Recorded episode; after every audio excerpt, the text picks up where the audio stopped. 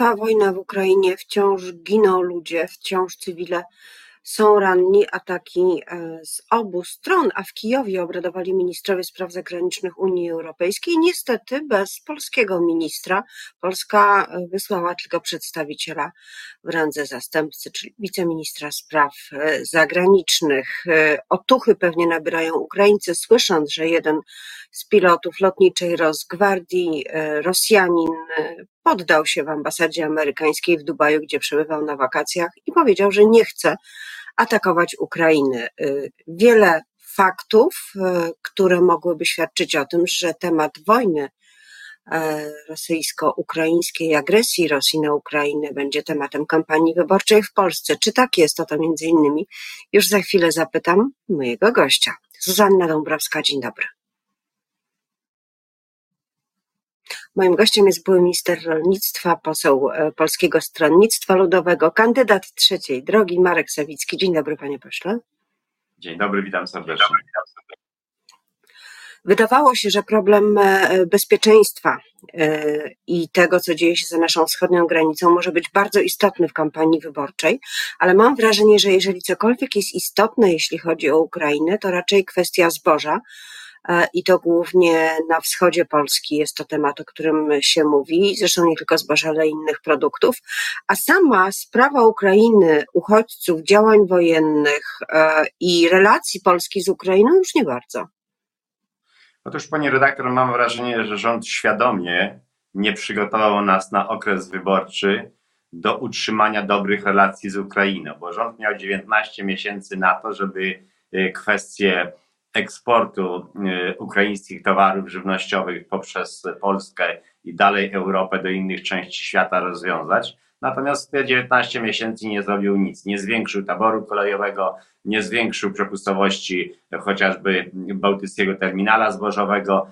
Kompletnie nas do tego nie przygotował. I w tej sytuacji, kiedy przyszły wybory, kiedy zagrażała PiSowi z prawej strony Konfederacja, rozpoczął retorykę antyukraińską, praktycznie niczego nie wprowadzając, bo ja przypomnę, że embargo, które Polska wprowadziła w kwietniu na wszystkie produkty żywnościowe z Ukrainy, po kilku dniach zostało zniesione, ograniczyło się do czterech rodzajów roślin. Natomiast e, w maju wszyscy europosłowie PiSu w Europarlamencie Europejskim głosowali za przedłużeniem bezcłowego importu żywności z Ukrainy do Europy. Więc mamy sytuację, w której rząd nie przygotowując kraju i rynku do e, sytuacji otwarcia na żywność ukraińską, jednocześnie w tej chwili udaje, że cokolwiek robi. A problem polega na tym, że nawet jeśli mamy do czynienia z tranzytem tylko pszenicy, kukurydzy, e, rzepaku i słonecznika, to on wędruje na razie póki co do naszych portów, naszymi środkami transportu także przez Polskę i blokuje dostęp do tych portów polskiego zboża, polskich produktów, które są na magazynach jeszcze z poprzedniego sezonu zbiorów. Więc y, tu nie, nie ma właśnie, ale... rozwiązania. No właśnie, tylko y, jest pytanie, które chyba każdy, y, kto usiłuje znaleźć w tym jakąś logikę, musi sobie zadać.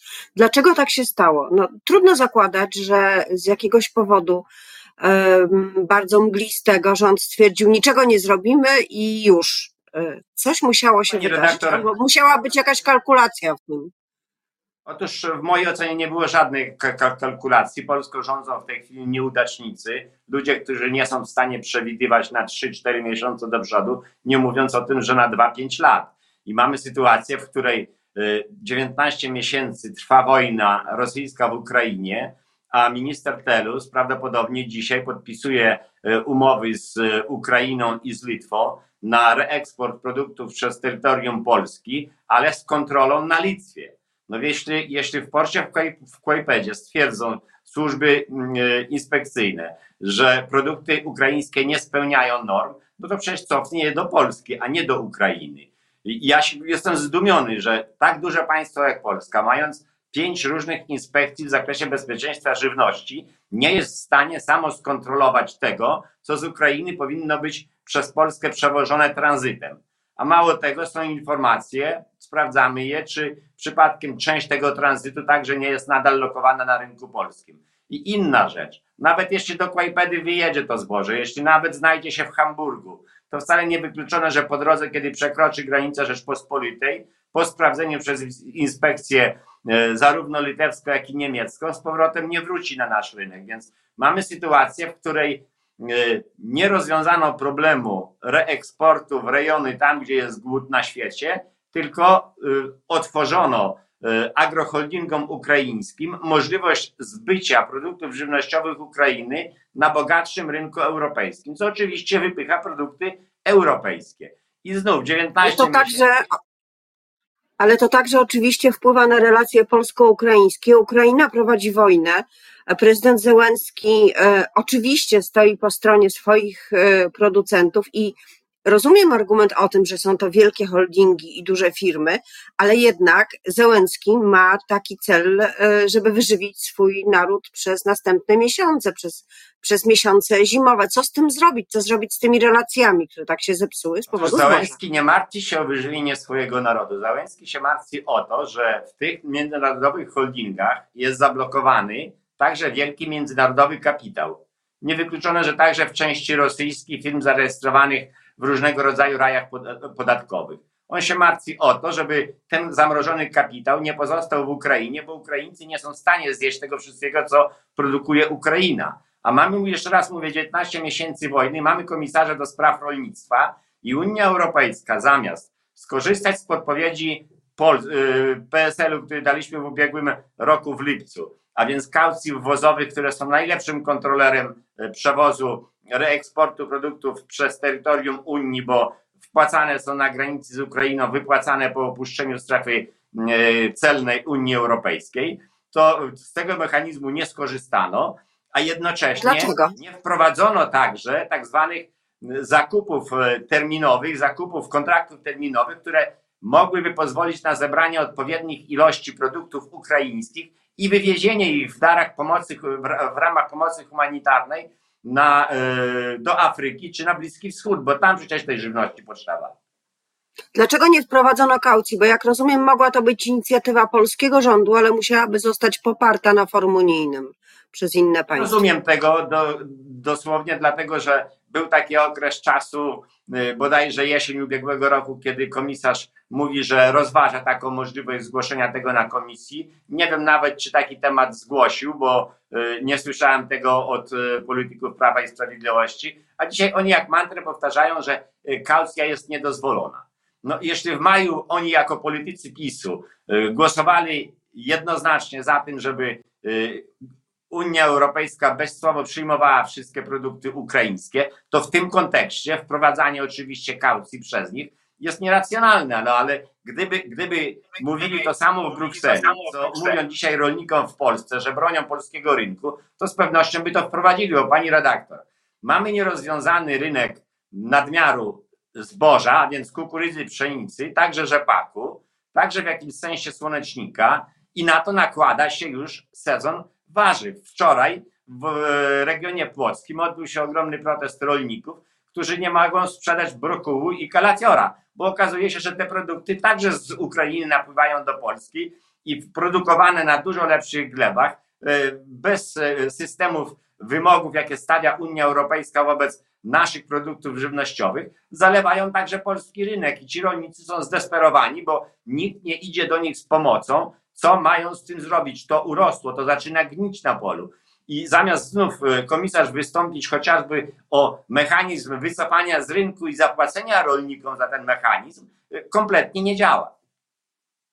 Czy sądzi Pan, że ta sytuacja odbije się na wyniku wyborczym Prawa i Sprawiedliwości na terenach wiejskich, szczególnie, no, co tu ukrywać, na wschód od Wisły, ale pewnie, pewnie problemy dotyczą także producentów z innych części Polski? Otóż pani redaktor, sytuacja w rolnictwie jest podobna w całym kraju.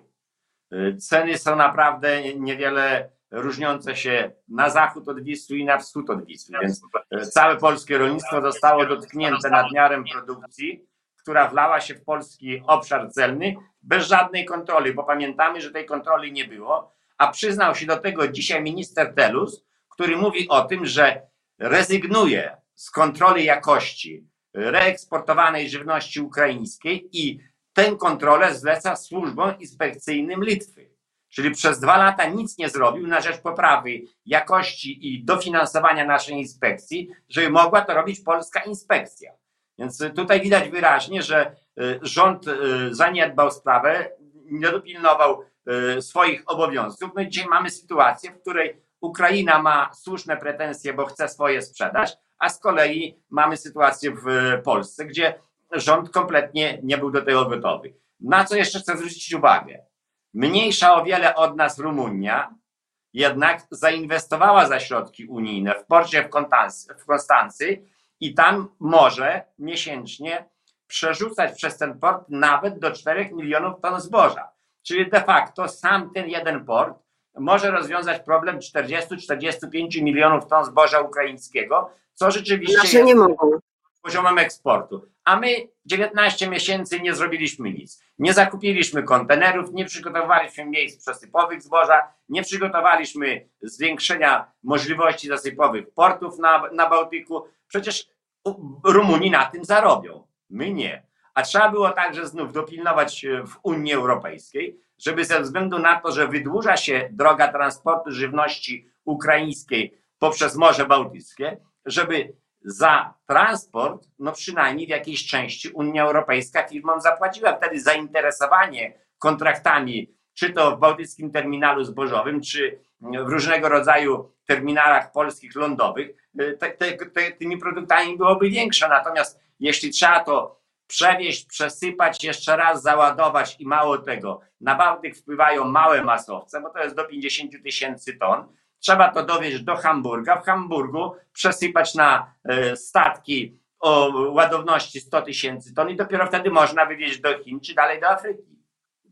Panie pośle, co z głosami e, na wsi? Czy to, że ostatnio o trzeciej drodze troszkę poprawiły się sondaże i wyraźnie, wyraźnie przekracza 10%, nawet e, w niektórych sondażach 12%, to jest efekt tego kryzysu? Czy e, wy wiecie, na czyje głosy możecie liczyć? Których nie zdecydowano? Panie redaktor, wydaje mi się, że to jest w głównej mierze efekt aktywności naszych kandydatów. My zwracaliśmy uwagę, kiedy jeszcze nie było list wyborczych, kiedy jeszcze nie byli kandydaci zaprezentowani, że nasze sondaże są niedoszacowane. My głównie poprzez ludzi y, y, jesteśmy reprezentowani w terenie i to kandydaci zbierają głosy. Więc w momencie, kiedy te listy zostały pokazane, kiedy już pokazała się także y, reklama w postaci banerów, billboardów, także informacji w mediach lokalnych prezentowanych list, Wtedy ludzie, widząc kandydatów, widząc swoich sąsiadów, widząc swoich